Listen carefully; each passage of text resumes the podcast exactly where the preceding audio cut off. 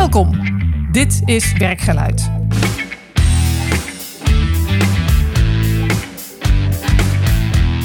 Mijn naam is Marjolein Veringa en ik ga iedere podcast in gesprek met leiders over belangrijke momenten in hun werk. Om er zelf van te leren en ik hoop jij ook.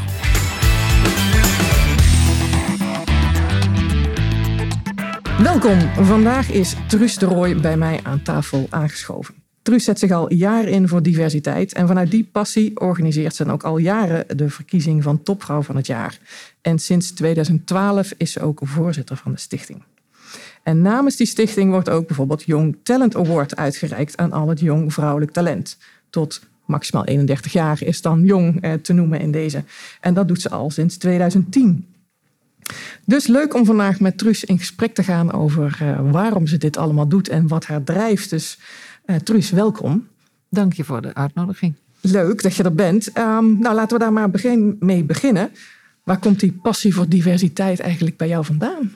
Nou, die is er niet eens altijd geweest, moet ik heel eerlijk zeggen. Want toen ik begon te werken, bestond diversiteit niet. Dat was geen ding. Nee, het was geen ding. Je werd uh, als vrouw verondersteld uh, niet te werken. In ieder geval niet fulltime. Zeker niet als je een gezin had. En dat mm -hmm. had ik. Um, dus er was ook eigenlijk geen diversiteitsprobleem. Vrouwen zaten in wat ondersteunende functies en uh, dat was het dan. En op het moment dat ze kinderen kregen, dan waren de ambities weg en de carrièrekansen eigenlijk minimaal. Hè.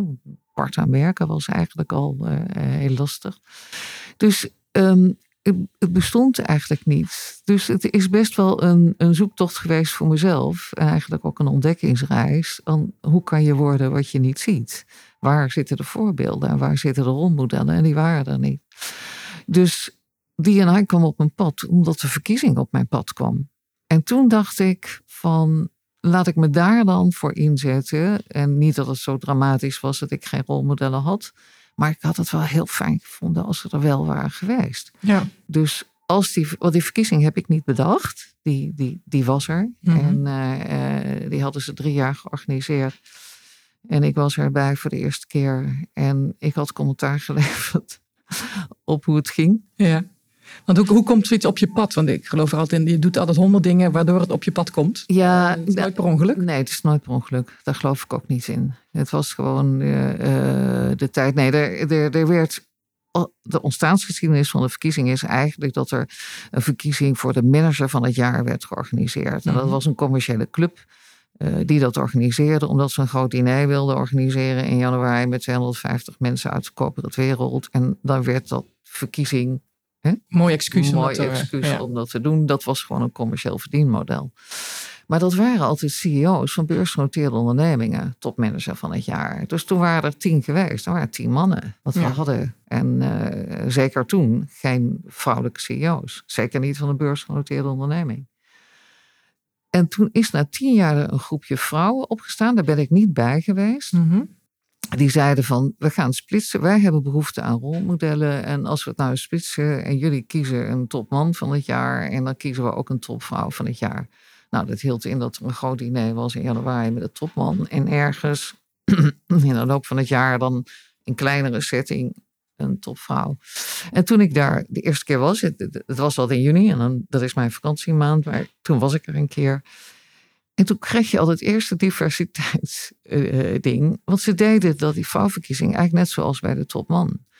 En dat betekende dat het een beetje een diffuus proces was. Dat je niet zo precies wist wie er in de jury zaten.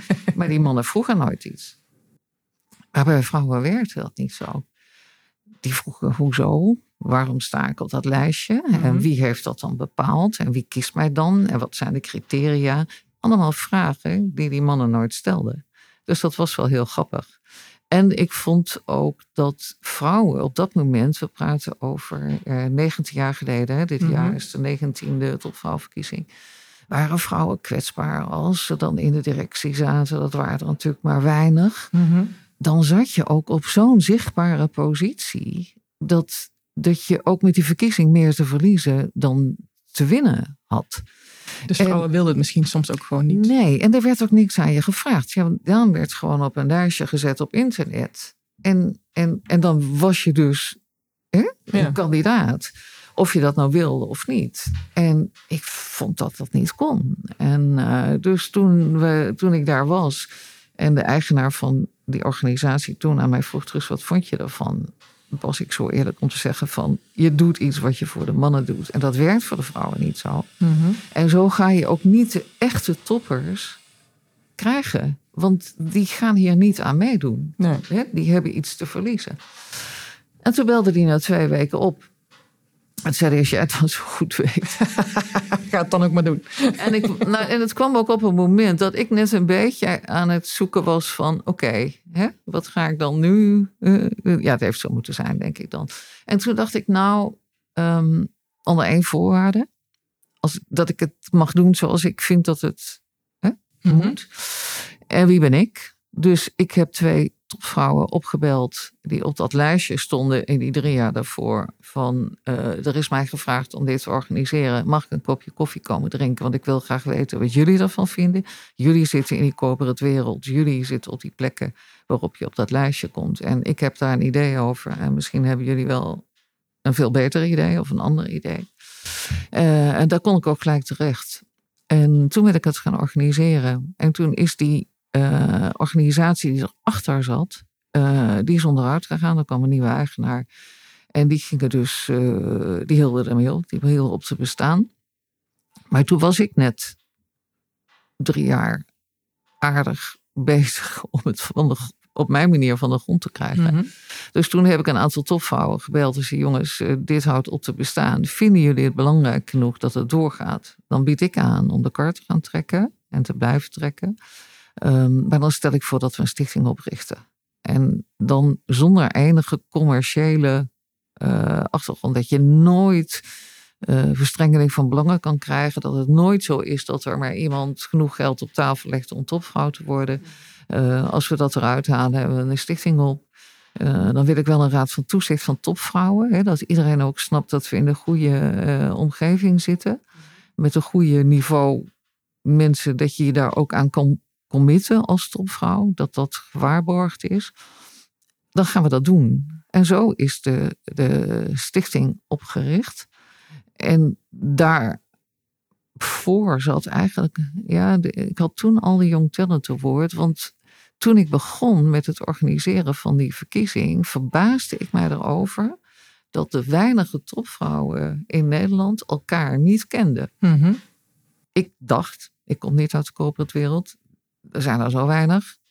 Dat Die- moet een clubje zijn. Dat moet een clubje zijn. ja, Old Boys Network. Hè? Waarom is dat er niet? Nou, dat bleek er dus niet te zijn. Wel binnen, binnen bijvoorbeeld de financiële wereld. Hè? Zagen ze elkaar binnen de, de, de organisaties en binnen de netwerkjes die bij de financiële wereld horen. Maar zodra het in een andere branche was, gingen de secretaresses mij bellen van heb je het telefoonnummer of heb je het mailadres van die en die en die. En ik verbaasde me daarover. En toen dacht ik, dat is niet slim. Als er een Mhm. Old Boys Network is, dan moeten we ook zorgen dat die vrouwen elkaar kennen. En dan moet ik eigenlijk beginnen bij de jonge generatie.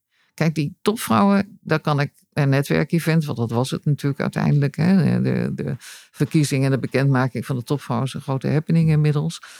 Maar als ik een netwerk wil bouwen en, en wil dat ze van elkaar leren en met elkaar inspireren, dan moet ik beginnen bij de volgende generatie. Ja. En dat is de Young Talent Award geworden. En, eh, en dat was best nog wel even een ding. Eh want ik ging corporate wereld benaderen en zeggen stuur een talent. Nou, Mhm. dat was heel ingewikkeld. Heb Wat je, maakt dat ingewikkeld dan? ja, heb je geen beter functieprofiel? En, eh, en wat is dat dan? En nee, dat is geen functieprofiel. Nee. Ik wil dat je een talent stuurt. Ja, moet dat dan een leidinggevende zijn? Nou, nee, niet per se. Hierarchisch gezien dan. Hè? Nee. Er, er zijn jonge talenten genomineerd die fantastische projecten getrokken hebben. Zonder dat ze daar hiërarchisch hè, de baas over Mhm. waren. Maar wel heel bijzondere dingen deden. Maar die vraag van stuur mij iemand die autonoom kan denken. Die het verschil kan maken. Die je als potentiële topvrouw ziet Mhm. weet ik wel dat dat moeilijk is hè, onder de 31. Maar in ieder geval de potentie uh, heeft. Ja, dat was gewoon een ingewikkelde vraag. Want ik had niet. Nee, en, een, en een functieprofiel ging niet. Want alle branches nee, zijn zo, zo verschillend. Ja. Zo, maar dat was echt toch nog wel.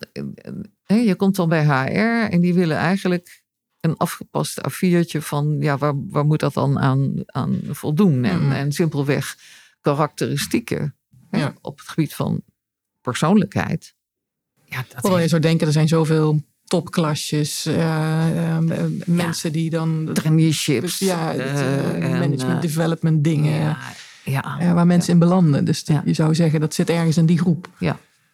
Nou, dat was het natuurlijk ook wel. Maar Ja. gewoon het feit dat ik niet met een afgepast functieprofiel kwam, was, Dat het was lastig. wel even Ja. lastig. Nee, maar dat is mijn, mijn achterliggende reden geweest om te zeggen, nou, ik ga daar een community bouwen. Eh, ik organiseer vier of vijf eh themasessies voor ze eh, ieder jaar, waarin ik ze zelf de, on- de onderwerpen laat aanreiken. En dat gaat natuurlijk heel vaak over leiderschap, maar het gaat ook over work-life balance. Het gaat ook over hoe word ik toezichthouder. Want we praten wel over diversiteit in Nederland, maar eigenlijk vind ik dat je dat ook voor de raden van commissarissen of toezichthoudende rollen, ook als je diversiteit hebt, ook een jong iemand die op een hele andere manier in de wereld staat. En, Ja, eh, hartstikke nou, gezond. de- Ja. en eh, eh, daar, daar is ook veel belangstelling voor. We hebben nu eh, 6 juli gaan we eh, weer ehm, doen van hoe word ik toezichthouder? Hoe kom ik nou op zo'n lijstje? Hè? Hoe doe ik dat dan? En wat is het nou precies? Hè? Hoe zit dat nou in elkaar? Eh, we zijn heel erg gefascineerd tussen eh, de verhoudingen tussen de RVC en de RVB. Hè? Wat, wat, hoe werkt dat dan? Ehm, ja, en, en dan ontmoeten ze elkaar. En, en ja, daar, zijn natuurlijk vriendschappen uitgekomen en stimulerende gesprekken. En ze weten elkaar te vinden. Eh, het is een online netwerk, maar ze ontmoeten elkaar natuurlijk ook op de sessies. Ehm, en ik denk dat dat waardevol is om die contacten gedurende je carrière. Dat als je een keer wil switchen, dat je eens kan kijken met wie kan ik nou eens even. hè, Ja, wie ben ik dan? ja, wie ga ik nou eens koffie drinken of het daar nou echt zo leuk is. Ja. En, eh, hè, en om meer informatie te krijgen. En eigenlijk wat het Old Boys Network is, eh, maar dan vanuit, eh, Vanuit die kant. vanuit die kant Ja. gedaan. Ja, en ik word daar heel blij van. Moet ik heel dat dat zeggen. gebeurt. Ja, die, nou, de, de generatie die nu komt, zeker onder de 30, heeft toch wel ehm, eigenlijk als het gaat over diversiteit, zo'n andere eh, houding en zo'n andere achtergrond. De meesten zijn op de universiteit al, al in de meerderheid geweest. Ehm, dus Dus maakt het dan eigenlijk zo even eh, twintig jaar later, ehm, dat is dan de, de gewetensvraag, is het nog nodig? Aandacht voor diversiteit? ja. Hoe zie Ja. je hem? Ja, eh, eh, ja. Ja.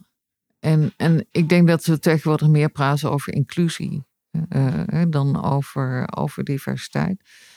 Als je kijkt wat er veranderd is in eh, 19 jaar, is dat wel heel erg veel.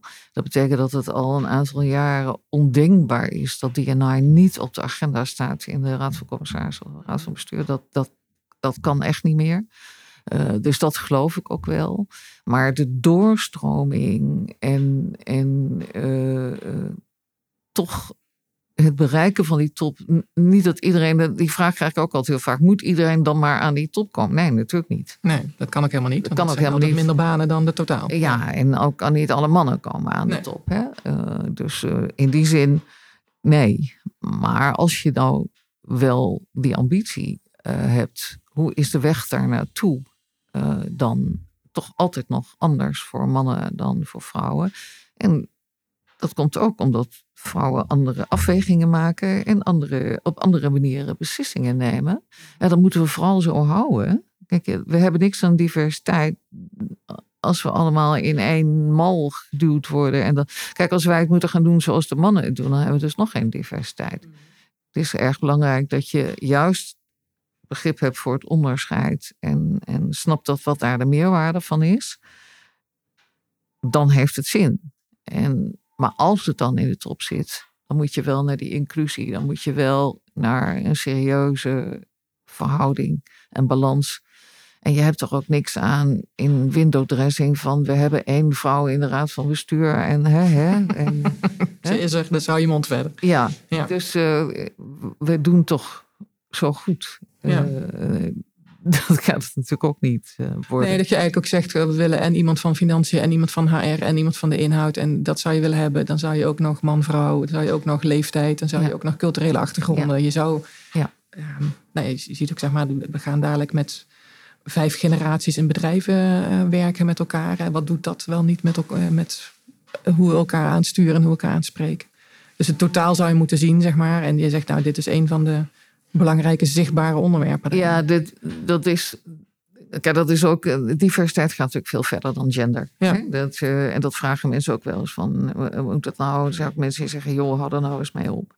Ehm, dat vraag ik regelmatig aan de Raad van Toezicht. eh, meisjes, van, oh, gaan we het nog doen? Hè?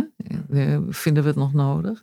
En iedere keer is het antwoord toch weer ja. Maar kijk, natuurlijk is diversiteit breder. Alleen als je iets wil bereiken, moet je een focus hebben. En Ja. dat geldt ook voor dit.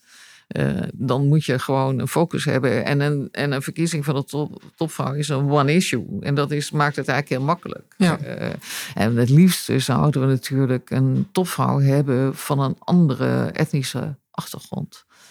Alleen we hebben als criterium, het belangrijkste criterium is niet alleen dat ze op de loonlijst staat. Dus het verschil tussen zakenvrouw van het jaar en topvrouw van het jaar. Zakenvrouw is, dan ben je onderneemster, dan ben je DGA. Mhm. En topvrouw van het jaar, dan ben je in loondienst. Maar je zit wel in de raad van bestuur.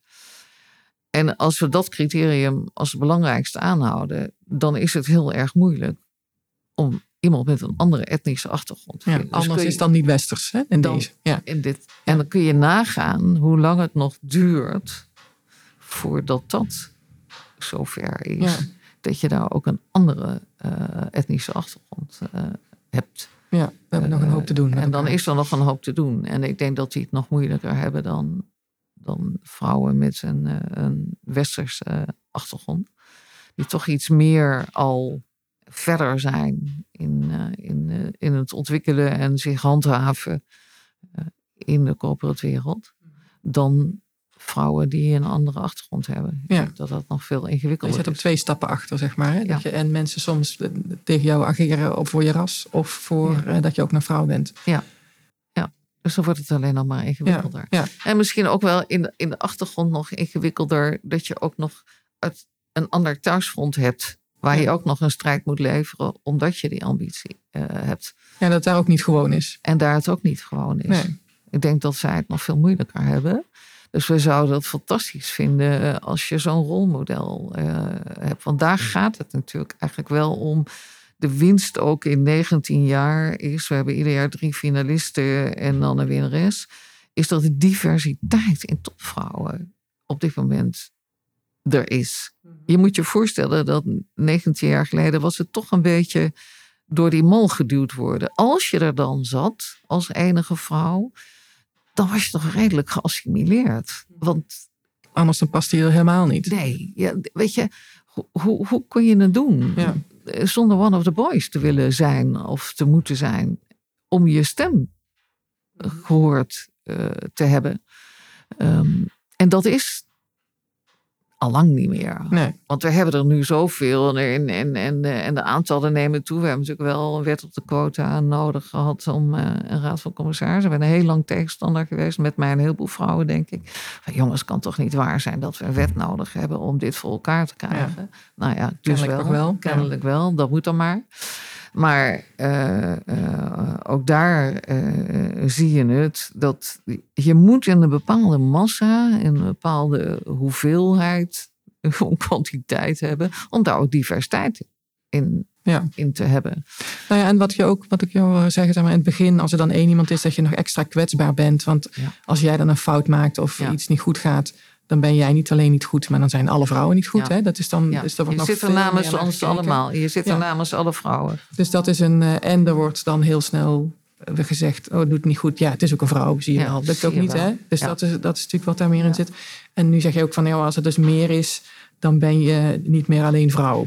Maar dan ben je gewoon een van de mensen in de raad van bestuur waarin het goed mee kan gaan en waar het minder goed mee kan gaan. Ja. Dus Ja. ook minder kwetsbaar. Je bent minder kwetsbaar. Ja. Omdat je, kijk, in het begin zit je er eigenlijk namens wat jij zegt, alle vrouwen. Hè? Je doet iets. Ik kan me nog herinneren dat iemand ging weg uit de raad van bestuur. was een dispuut met de CEO. En die stapte uit de raad van bestuur zonder gebruik te maken van die geweldige regelingen die vaak dan al afgesproken worden hè, bij Ja. het contract en vertrekpremie die je dan krijgt. Of je dan goed gedaan hebt of niet, dat blijkt dan niet ertoe doen.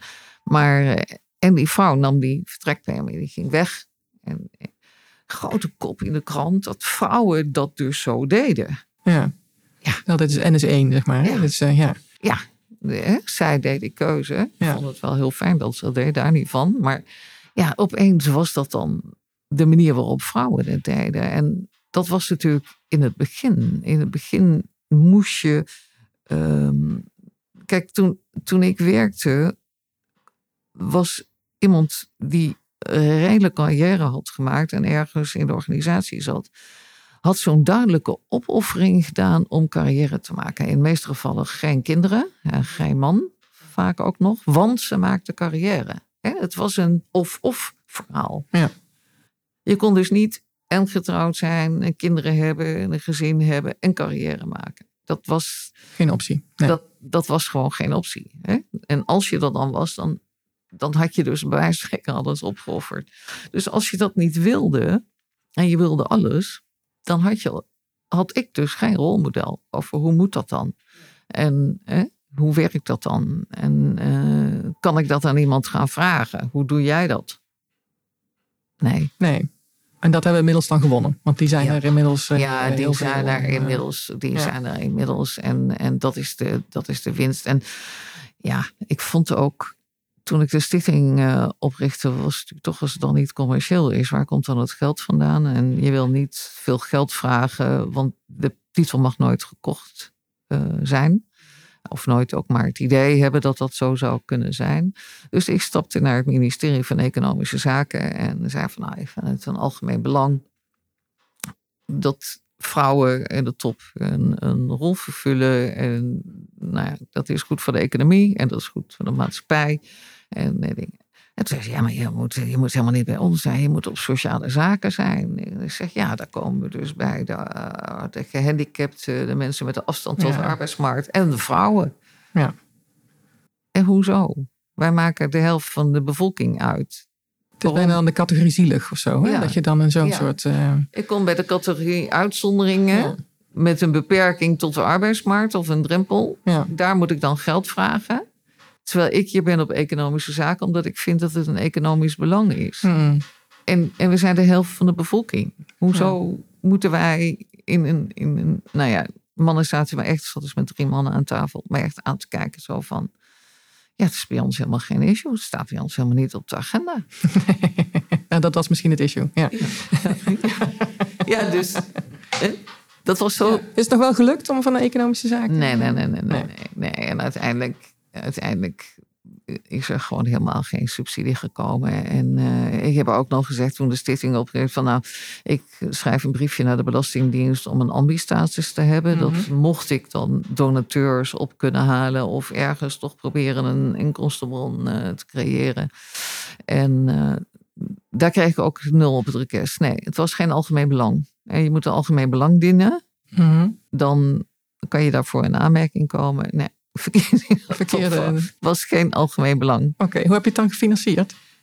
Nou, de, de, eh, het event waarop eh, de topvrouw eh, bekendgemaakt wordt en de, en de winnares van de Young Talent Award, dat is inmiddels een enorme happening in Theater Amsterdam. Daar betaal je voor en daar is een groot diner. En je kunt met een bedrijf een dinertafel kopen. Voor, voor acht eh, personen kun je acht gasten meenemen. En daar betaal je een entree voor. Daar betaal je. dus dat is eh, het verdienmodel. en dat is het verdienmodel. Ja. En eh, dat is een kwetsbaar verdienmodel, moet ik heel Mhm. eerlijk zeggen. Maar dat lukt wel. Het is eh, ja, toch wel eh, ieder jaar hard werken. Eh, we vragen nu wel inmiddels een kleine bijdrage van de drie finalisten van de topvrouw. Dat is eigenlijk pas sinds eh, corona. Daarvoor dus niet. Alleen maar de, de dinertafels. Mhm. En, maar dat is maar een hele minimale bijdrage. En, en daar ben ik het ook, daar sta ik ook 100% achter. Want er mag nooit het idee komen van, weet je, er is een bedrijf wat gewoon geld neerlegt. Dan Ja, is en daarom eh, duwen we iemand naar voren en die wordt het dan. ja, en die Ja, wordt het dan. ja, ik, dus, dus, eh, dus wat dat betreft, en er zit geen commercieel belang bij. Dus eh, we moet, ik moet gewoon ieder jaar zorgen dat, eh, dat ik niet meer geld uitgeef dan dat ik binnenhaal. Ja, dat is altijd verstandig. Ja. En, eh, en, en zolang dat lukt, weet je, is het, is het goed. En inmiddels is het zo, ja, een, een, er is niemand meer als die genomineerd wordt. Die er, je, je kan ervoor kiezen om niet mee te doen. omdat je het privé niet uitkomt. Of dat je vindt dat je bedrijf door een fase gaat waarvan je denkt, oeh, weet je, wil ik met dit onderwerp nu op de zeepkist staan? Hè? Want we verwachten wel van de topvrouw dat ze het hele jaar zichtbaar is. En Mhm. het hele jaar eh, toch de nodige spreekbeurten en eh, interviews schrijft. Ja, daar kan je voor kiezen eh, om te denken van nou, hè, Kan nu even niet. dat kan nu even niet. Maar verder is het nu na 19 jaar wel zo dat het een eer is. Dat, dat niet meer mensen denken: wat is dit voor diffuus eh, clubje? Eh, moet ik dit wel doen? Kan ik dit wel Ja, doen? het staat Eh, echt, zeg maar. Het bedoel je dan, staat echt. En, eh, En waar ben je dan eigenlijk het meest trots op als je dan zo terugkijkt? nou, dat ik dat toch voor elkaar gekregen heb. Omdat ik daar echt, zeker in het begin... en dat is, vind ik wel in de corporate wereld... denk ik op allerlei vlakken herkenbaar. Op het moment dat er staat, dan wil je erbij. Mhm. Maar in die beginfase... hè, dat je, dus wa- waar ik ook al heel snel ehm, heb gedaan is dat ik bekende namen, er zitten twee topmannen en te- de laatste twee winnaressen van de verkiezing zitten in de jury met twee topmannen. En ik wilde graag een vrouwelijke voorzitter eh, natuurlijk. Ehm, dat dat goede namen moesten zijn. Ja. Dat het duidelijk was dat die erachter gingen staan en dat die het belangrijk vinden. En dat vrouwen ook accepteerden dat ze daardoor beoordeeld eh, werden. Mhm. Dus dat moesten ook echt namen zijn. Dus dat heb ik van het begin wel eh, voor elkaar gekregen. Door daar mensen bij te betrekken die, die maakten dat ze dachten: oké, weet je, als die in de jury zitten, als die het belangrijk Ja, vinden. dan gaat het ergens over of zo. Ja, dan, dan gaat het ergens over. Dat is, Ja. ja. dat is nou eenmaal zoals het werkt. En, en dat is wel van, wat ik van het begin af aan dus als plan had. Mhm. Van als we het zo neerzetten en een, en een heldere criteria. Oké, wat is het dan precies en waar, wat moet ik doen en waar, hè, hoe, hoe werkt het? En dat is een heel transparant proces. Mhm. Als ik dat gewoon van begin af aan duidelijk maak. en de goede mensen willen daar aan meedoen. ja, dan, dan komt het wel. Ja, en het En- kwam ook. En, dat en- is wat. En, en Ja. dat kwam gelukkig. En de Young Talent Award is eigenlijk hetzelfde proces geweest. Was, dat ging heel moeizaam. Eh, maar dat is, dat, is ook, dat is ook gelukt. En, en daarvan denk ik, ja, weet je, dat is gewoon gelukt. En Ja. nu zijn die mooie rolmodellen er. En, en zijn al die mooie vrouwen er. Die allemaal op hun eigen manier doen. En eigen, eigen stijl hebben. Een eigen manier hebben. Ik vind ook eigen taalgebruik. Hun Mhm. corporate taalgebruik vaak zo afstandelijk. Ehm, waarvan ik denk, verschil tussen ondernemerschap en de co- corporate is dat je als ondernemer toch met je passie en je verhaal je mensen moet stimuleren en inspireren om ergens naartoe te gaan die je stip op de horizon eh, te hebben. En ik denk dat vrouwen ook ja, toch een ander taalgebruik ook kunnen brengen. Meer op die emotie kunnen gaan zitten, meer op de verbinding, meer dat gevoel van we gaan, hè, Mhm. dus zeker voor de generatie van nu, wordt de wereld er beter van als ik hier ga werken. Wat ga ik hier de hele dag doen? Word ik geïnspireerd door de topman, de topvrouw? Ja. Dat is wel wat de Jongeren genera- vinden dat sowieso Ja, ja, ja, ja. Dat- De dat generatie van nu Ja. gaat niet meer ergens werken eh, als het alleen maar over het geld gaat of over de bonus van de topman of topvrouw. Als jij zo eens eh, terugdenkt, zeg maar, is er dan ook wel eens iets waar je denkt, nou, dit is echt helemaal niet gelukt. Dat, we- dat, dat, ik heb dat zo proberen aan te pakken, maar dat had ik echt anders moeten doen. Heb je daar een Bij de voorbeeld van? bij de topvrouw. Ja, gewoon bij jou zelf, bij hoe je dit aan het opzetten was.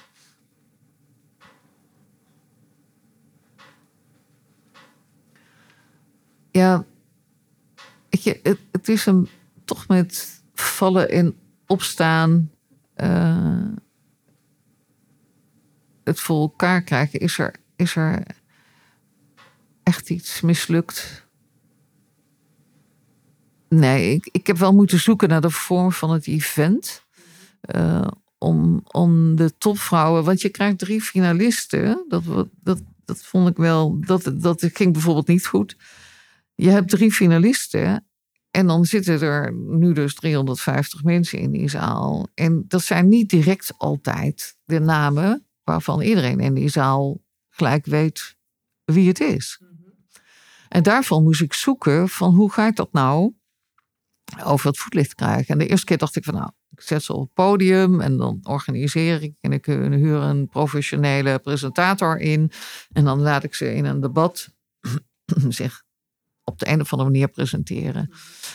Maar dat, dat werkte gewoon niet. Weet je, dat was toch te hapsnap. Het was toch niet, er kwam niet een duidelijk profiel van die drie topvrouwen. Dus dat was best wel een zoektocht. Daar zijn uiteindelijk filmportretten uitgekomen.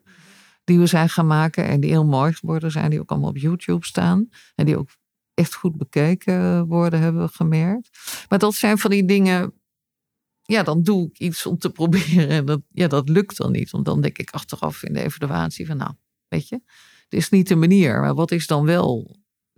Dat is wel in het begin eh, het zoeken geweest. Ja. Hoe, hoe kan ik nou het event, waar ik dus die, die dinertafels moet verkopen, zo vormgeven zonder dat ik een enorm budget heb voor een eh, geweldige keynote waar iedereen voor komt. Want we hebben altijd hele interessante sprekers. Maar dat is niet waarom je daar bent. Mhm. En je bent uitgenodigd door de topvrouw of je zit er als achterban van het jong talent. Het zijn natuurlijk toch die bedrijven die daar zitten. Dat was wel even zoeken. En daar denk ik, heb ik ook wel dingen dat ik dacht, nou, hmm, Ja. Ja, Hoe, eh, wa- waarom komen mensen erheen? ja, En ook hoe doe je recht aan de vrouwen die daar staan Ja. als, je, als je daar niet een bekende Ja. figuur nog bent? ja, ja, en hoe, hoe, hoe, ja hoe, hoe krijg je dat tot voetlicht? En uiteindelijk, ja, en sommige dingen worden uit nood geboren. We hadden altijd een sit-down dinner en dan het podium. En daar was dan een- iedereen, we hadden altijd een keynote. En de bekendmaking van de jong talent natuurlijk aan het begin. En dan het moment suprême was de bekendmaking van de topvrouw. En ondertussen was dat diner. Maar toen kwam corona. Mhm. En ik wilde per se een topvrouw.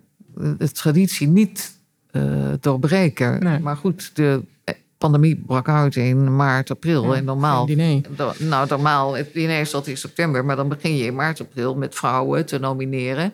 Van je bent genomineerd en dan moeten ze het dossier inleveren, een cv en een filmpje. Ze moeten dingen doen.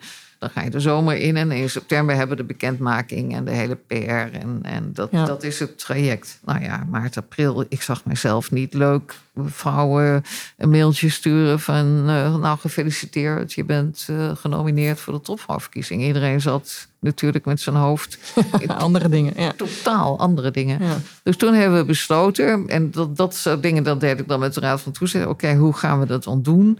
En toen hebben gezegd van, nou, dan gaan we niet een normale verkiezing doen, maar dan gaan we drie vrouwen uit de vitale sectoren, die nu van belang zijn in de pandemie. Dat Mhm. was dus de ouderenzorg, eh, de GGD en de ziekenhuizen. Mhm.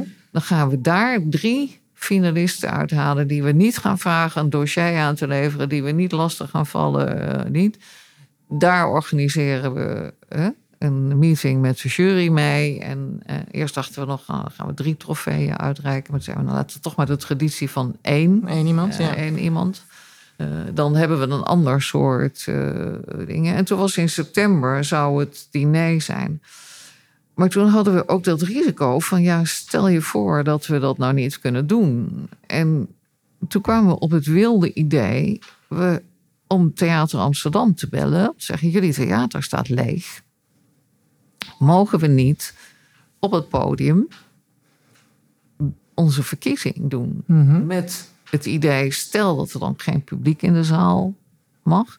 Theater Amsterdam, ik weet niet of je er ooit geweest bent, dat heeft een videoscherm van 50 meter breed en 10 meter hoog, waar je de meest fantastische dingen op kan doen. Mhm. Dan hebben we dat. Ja, En stel dat we dan online moeten, ja, dan, dan, je, dan, heb je dat de mogelijkheid. dan hebben we in ieder geval nog iets wat dan eh, overkomt. Nou, we zouden in september een diner mogen hebben. Want we gingen na de zomer en hè, de pandemie Mhm. was voorbij, dachten we. En 24 september hadden we ons diner. En zes dagen voor 24 september gingen we lockdown. Dus, dat- alles online. Ja. Ja. Maar dat, dat waren zes dagen, wil je niet meer. Want je hebt natuurlijk toch wel een heel ander iets Ja, voorbereid en gedaan. voorbereid en Ja. gedaan. En, en, en we moesten op, op- ter plekke iets organiseren dat we de trofee konden overhandigen. En dat we dat camerateam daar hadden, hè, om, om dat Mhm. dan in beeld te hebben. Want ja, in feite wisten ze natuurlijk niet hè, wie, de, wie er zou winnen. Want dat is ook verschil bij de mannen en de vrouwen. Is dat vrouwen niet weten wie er wint. Er zijn drie finalisten, zitten allemaal in de zaal met z'n achterban. Maar ze weten niet wie er wint. Dat is Ja. echt pas op de avond het moment zelf. Die, die vibe, die... die Maakt het ook spannend, toch? maakt ja. het spannend en eh, dingen. Maar goed, toen kwamen we eenmaal in dat theater. En toen bleek dat we dus in staat waren. En daar, sommige mensen komen op je pad, mij kwam de verkiezing op pad. Maar daar kwam ook eh, Jennifer en Natasha eh, op mijn pad. Jennifer als regisseur en Natasha als een geweldige organisator. Die samen een bedrijf hebben Mhm. eh, wat het doet. Die waren op mijn pad gekomen. En die waren als geen ander in staat om zo'n groot event echt vorm te geven en, en inhoud te geven. En er echt een show van te maken. Samen met dat geweldige scherm wat, we wat we Ja, daar hebben. En toen kon het toch allemaal doorgaan. Ja. En toen er, maar, maar nou zijn we dus ieder, nou zijn we dus in het theater terechtgekomen. ja. Wat zo'n succes was. Want het jaar erop zeiden we, ja, gaan we wel naar het theater. Want we willen toch wel een keer doen wat we bedacht hadden. En nou zitten we dus nog in het theater. Nou, mooi. Zien we weer dat een... Wat was het? Zijn voordeel? Wat was het? En, en eh, ja, weet je, dus daar waren we dus nooit gekomen op dat idee. Nee. Eh, met de mogelijkheden die we financieel ook hadden. Door te zeggen van nou, zullen we theater afhuren waar duizend mensen in kunnen. En, eh, en eh, daar een grote happening organiseren. dus mooi. sommige dingen, Soms gaat het gewoon... Ja, zoals het gaat. ja. En wat, wat, is je, wat is je volgende doel eigenlijk? Wat wil je nog eh, bereiken? Heb je nog een... eh, wat is het big hairy goal? eh? Nee, ik, ik denk. Ik heb nu het voorzitterschap van de stichting overgedragen, omdat ehm, zoals het nu is gegaan, ehm, was ik verantwoordelijk voor alles wat er gebeurde. De, de verkiezing van de topvrouw, de verkiezing van het jong talent, het verkopen van de tafels, het organiseren. Wat ik vind. Niet dat ik dat allemaal alleen deed. Mhm. Dat ik had de raad van toezicht waar ik natuurlijk bek op krijg. En dan de zelfstandige mensen, hè, die allemaal hun eigen bedrijf, waar ik mee filmportretten, waar ik mee de, de event organiseer. Maar ik zat er wel als het motortje Ja, middenin. eh, middenin. En, en dat werd best wel kwetsbaar. Dat, Mhm. Als het gaat over continuïteit, als, als je vindt dat het blijft bestaan, dan is dat niet de meest solide eh, manier om het te doen. Dus daar zijn we vorig jaar over, over gaan praten. Van ja, wat wordt dat dan? En, eh, en, eh, en hoe moet dat dan? En waar gaan we dat dan wel onderbrengen? En dat is eh, Stichting Talent naar de Top geworden. Eh, die nu de Stichting zijn totaliteit hebben overgenomen. En die zijn al meer dan twintig jaar eh, bezig met DNI. Ook bezig met multiculturele ach- eh, ver- verschillen. Ja. Ook een heel coachingsprogramma.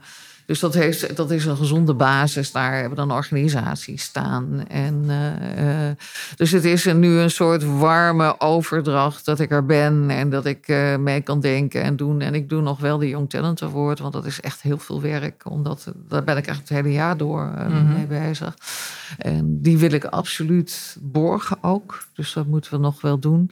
En dan is het ook aan hun. En vind ik ook wel spannend hoe zij dan weer verder kunnen brengen. Want ik denk dat mijn, mijn kracht zit ehm, in alles wat ik heb gedaan in mijn leven, is dat ik, dat ik een pionier ben. Ik ben een bouwer. Ik ben, ik ben iemand die iets gaat doen en iets opzetten en dan Mhm. verder brengen. Maar op een gegeven moment denk ik dat het goed is dat het dan overgaat. Iemand anders weer opnieuw met nieuwe nieuwe energie Ja, bouwt. met, Ja. met misschien ook wel helemaal nieuwe ideeën. Hè. Nu, nu is het nog heel erg op wat het, wat het was, omdat het een overgangsjaar is. En dan is het Ja. niet handig, denk ik, om gelijk dingen heel anders te doen. Dus daar ben ik ook op zich wel blij mee.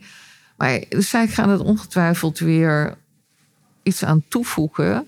Hè, wat, Ja, echt de volgende fase in. Wat de volgende fase in is. Uh, en, uh, en nu de Young Talent wordt, doe ik nog. Nou, zodra dat ook uh, het eerste deel hè, er is, zal ik dat ook gaan overdragen en, en, en doen. Maar dat vind ik nog wel een. Die stap ben ik nog wel nog helemaal niet aan toe. Dat komt dan nog, dat komt dan nog. Ja, daar zit, men, daar zit gewoon. Ik, ik word zo blij van die generatie waar we het over hadden, twintig jaar. Het verschil over hoe zij erin zitten, hoe, ze, hoe zelfbewust zij zijn. Ja, dat kan je nog even niet loslaten. Nee, daar, daar, daar, krijg ik zoveel energie van. Dat, eh, dat, uh, dat uh, is alleen maar leuk. Ja. Nou, we zijn al eigenlijk bijna weer aan het eind gekomen ja. van, uh, van dit interview. Hartstikke leuk. Als laatste heb ik altijd nog, want dat daar altijd hele leuke antwoorden op komen. Heb je nog een tip voor mensen? En dat, ja, we zitten natuurlijk nu in de topvrouwensfeer, maar er zullen ook ongetwijfeld mannen luisteren. Voor mensen die die top willen bereiken, die daar willen komen, dan kan je er iets in meegeven. Ja, ik denk dat als je die ambitie hebt uh, uh, om die top te bereiken, dat je altijd alert moet zijn op de dingen die op je, uh, om je heen gebeuren. Ik geloof niet zozeer is dat je een carrière per se uh, in de ladder omhoog in één rechte lijn moet doen. Ik denk dat het, dat het heel goed is als je die ambitie hebt om, om goed je voelhorens uit te zetten en ook goed bij jezelf eraan te gaan. Wanneer ben je daar aan toe? En, en wat we natuurlijk met de stichting hebben gedaan, is die rolmodellen, is de feedback, vraag feedback. Praat met mensen. Ga ergens naartoe om alleen maar ook je beeld bevestigd te krijgen. Als een jong talent van mij vraagt een voorbeeld van uh, ik wil wel uh, chief risk officer worden eh, bij een grote bank, maar wat is dat eigenlijk wel iets wat bij mij past? Dan zeg ik, nou, dan ga ik je introduceren. En dan ga je even een kopje koffie drinken bij een topvrouw die die functie heeft, zodat jij met haar kan praten. Wat is dat dan? En wat doe je dan de hele dag?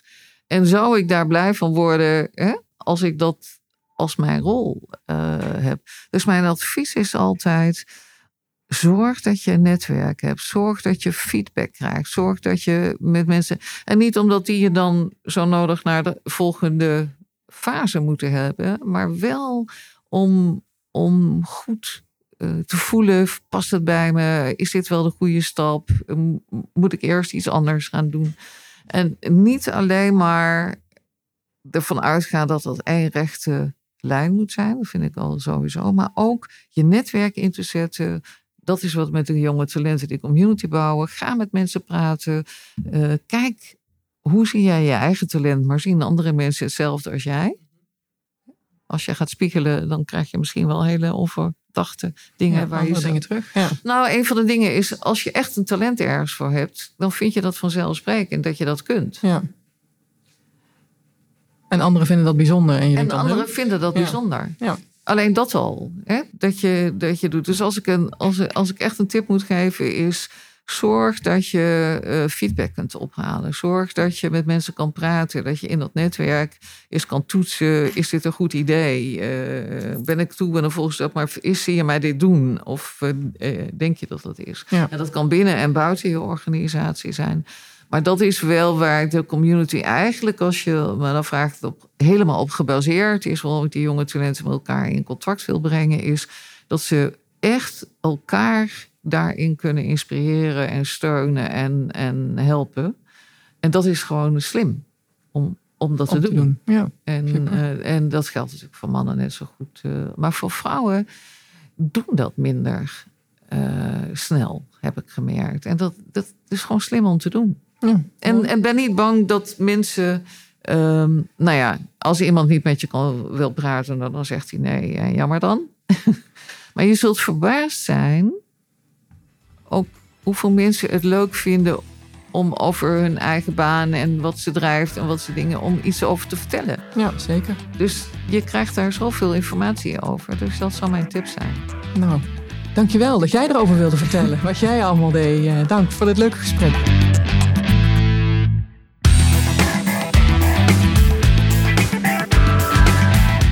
Mocht je meer interesse hebben in leiderschap en effectief werken, ga dan naar de website www.marjolijnveringa.nl.